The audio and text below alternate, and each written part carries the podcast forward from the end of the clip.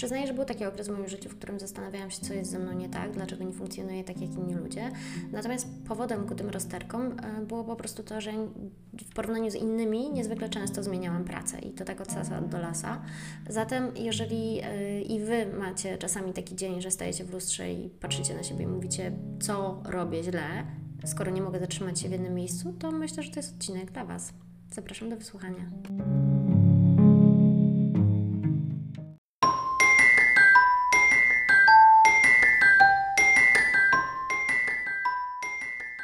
Panie od pokoju.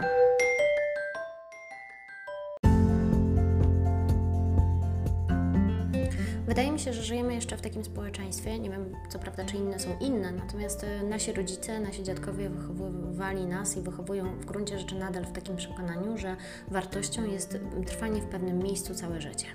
E, zaczyna się to od związków. Tu akurat być może niekiedy jest to e, dosyć pozytywne dążenie, oczywiście przy zdrowych ku temu okolicznościach, ale też zwróćcie uwagę, że na pewno wielokrotnie słyszeliście takie historie osób od Was starszych, starszego pokolenia, które mówiły, ja całe życie przepracowałem, no i tutaj pada miejsce, pada nazwa miejsca, w którym ten ktoś pracował, albo kiedyś to do emerytury można było przepracować mm, u jednego pracodawcy.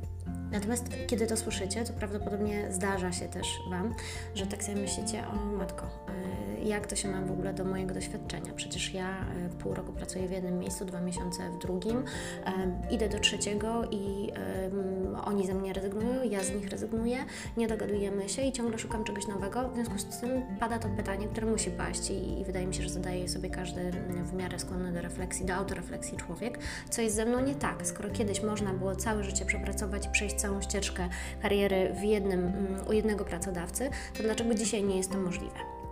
Ja oczywiście nie jestem w stanie Wam powiedzieć, dlaczego socjologicznie nie jest to możliwe. Mogę odwołać się do swojego doświadczenia, jak zwykle, i opowiedzieć, jak to było u mnie i do jakich wniosków doszłam yy, i przez jakie rozterki też przeszłam. Zatem zaczynamy. Ja w swojej karierze prawniczej, która rozpoczęła się yy, od praktyk yy, studenckich na drugim czy na trzecim roku prawa, mm, przepracowałam w bardzo wielu różnych instytucjach i placówkach. Dość powiedzieć, że zaczęłam od dużej firmy konsultingowej, od y, pracy w dziale mm, podatkowym jeszcze w, w, jakimś tam sektorze prawa podatkowego. To było w czasach, kiedy jeszcze nie byliśmy w Unii Europejskiej.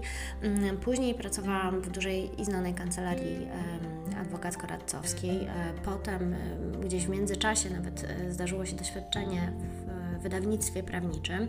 E, potem były mniejsze, większe kancelarie, dwie albo trzy sieciówki, ale była też w międzyczasie praca w charakterze asystenta e, przewodniczącego w Wydziale Cywilnym jednego z największych e, polskich sądów, w Sądzie dla Miasta Stołecznego Warszawy. I myślę, że gdybym e, usiadła e, i e, wzięła kartkę, długopis i postarała się skrupulatnie zliczyć wszystkie miejsca, w których dłużej lub krócej zdobywałam doświadczenie zawodowe, to prawdopodobnie, znaczy nie zdziwiłoby mnie, gdyby zabrakło mi palców rąk i nóg na podanie wszystkich nazw. Mm, z tego i, i dodam tylko, że mm, to doświadczenie, o którym mówię, mm, ono było przeze mnie zdobywane i kolekcjonowane mniej więcej od 2000 chyba pierwszego czy drugiego roku do około 2007, więc to jest mniej więcej 6 lat. Wydaje mi się, że jeżeli przyjmiemy, że to było 20 miejsc pracy przez 6 lat, to jest tego strasznie, strasznie dużo i nawet yy, ja mając dzisiaj do tego dystans, uważam, że no, sporo doświadczyłam w tym krótkim czasie.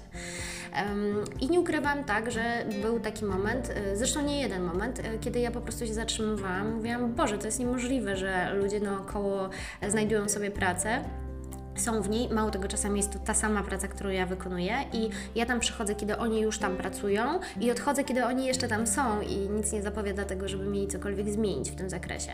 W związku z czym mm, jest chyba taką naturalną rzeczą, y, że najpierw przyczyny szukamy w sobie i tak też było ze mną. Ja zastanawiałam się, czy może ja na przykład mam jakiś problem z tworzeniem relacji z ludźmi. Nie, nie, mam tu na myśli relacji takich o charakterze związkowych, tylko po prostu pracowniczych, podległościowych, bo oczywiście idąc do kolejnej pracy. Mm, domyślam się, że Wy się domyślacie, że nie obejmowałam stanowisk kierowniczych, tylko po prostu były to jakieś tam najniższe możliwe e, prace, najniższe, najniższe szczeble e, na danym etapie rozwoju. I przyznaję, że martwiło mnie to. Wielokrotnie rozmawiałam z moimi rodzicami, co powinnam zrobić, żeby to zmienić, czy może, może rzeczywiście powinnam pracować nad jakimiś cechami swojego charakteru czy osobowości, bo być może jestem tak skonstruowana, e, że może źle mnie wychowali, ja po prostu nie jestem w stanie się dogadać z ludźmi. Mm, natomiast e, też muszę powiedzieć, e, znaczy ja wiem też, że tego typu rozterki wątpliwości ma wiele, wiele z was, wielu z Was i też sobie te pytania zadajecie. I w gruncie rzeczy to nie jest tak, że mm, jakby z wywiązku, jeśli się nie udaje, to nie udaje się najczęściej z, powodu, z powodów, które leżą po obu stronach. Więc ja oczywiście przyjmuję do wiadomości to, że być może faktycznie mam w sobie coś takiego, że nie jestem w stanie długo zagrzać miejsca, długo zagrzać miejsca w jednym miejscu.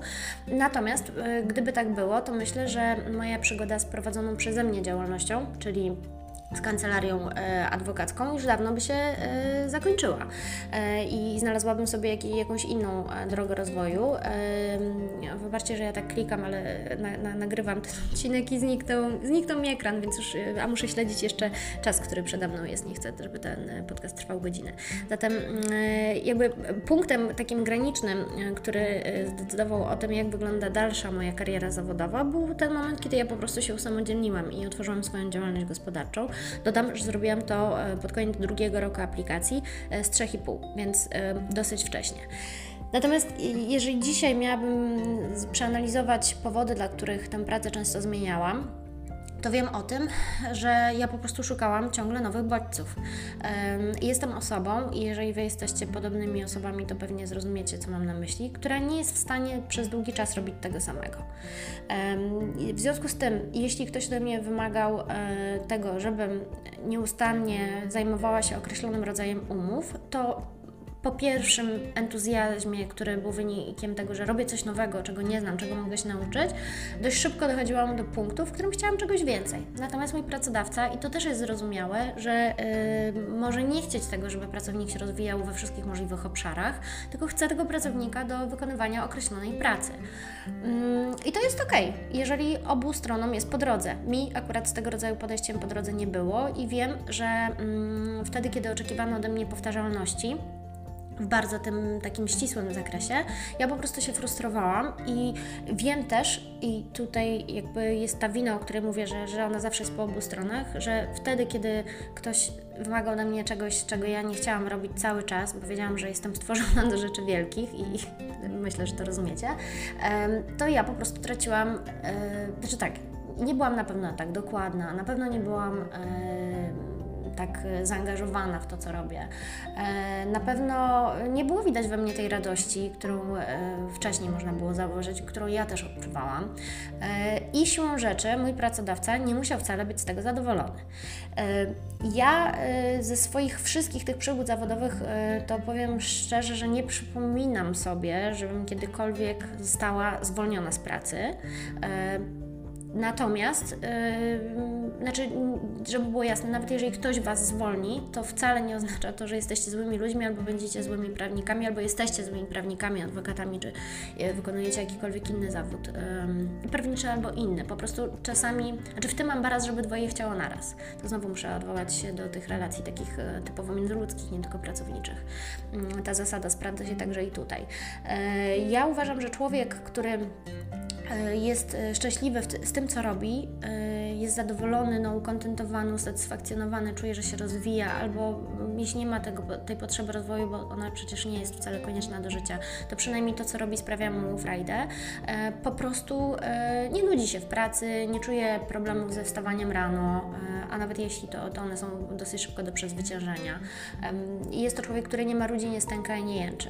Jeżeli jest tak zaś, że mm, przychodzicie mm, właśnie weekend jest jedynym czasem, w którym czujecie, że żyjecie. E, w poniedziałek rano nie jesteście w stanie zlec się z łóżka, a o swoim szefie myślicie inaczej, nie myślicie inaczej niż tylko idiota, no to myślę, że praca, w której jesteście po prostu nie jest dla Was. I nie chcę oceniać tego, czy Wy jesteście źli do pracy, czy praca jest zła dla Was, bo to nie ma najmniejszego znaczenia, po prostu nie jesteście w punkcie, w którym powinniście docelowo być. Mm, żeby było też jasne, są ludzie, moim zdaniem, dzielą się na takich, którzy są dobrymi, ja zresztą o tym już wspominałam we wcześniejszych podcastach. Jedni są stworzeni do tego, żeby być pracownikami, a inni są stworzeni do tego, żeby być szefami. Nie ma się na to co obrażać i nie jest to jakakolwiek forma wartościowania. Ja uważam, że y, jestem możliwie najgorszym pracownikiem dla kogoś, y, natomiast ktoś inny może być y, świetny właśnie w, tego, w wykonywaniu poleceń, które ktoś mu zleca. Natomiast z całą pewnością jest tak, że jeśli nie jesteście w stanie zagrać gdzieś miejsca dłużej, jeżeli nie odczuwacie satysfakcji z tego, co robicie, i jeżeli wasz pracodawca nie jest zadowolony z tego, co robicie, to w gruncie rzeczy macie bardzo prostą, e, bardzo prostą sytuację. Trzeba szukać czegoś innego. Mm, ja jestem zdania, że zmiana zawsze jest dobra. E, jedyne, czego nie trzeba robić, to nie trzeba się tych zmian bać. W związku z tym, jeżeli, tak jak wspominałam na początku i jeszcze w międzyczasie przemyciłam, jeżeli Waszym zdaniem albo zdaniem Waszych rodziców E, waszych bliskich jest z wami coś nie tak, bo zmieniacie pracę, to po prostu ta praca, którą zmieniacie, nie była wam pisana. I tyle. Jeśli są wątpliwości, nie ma wątpliwości. I to jest też zasada, która myślę, że sprawdza się w bardzo wielu sferach życia.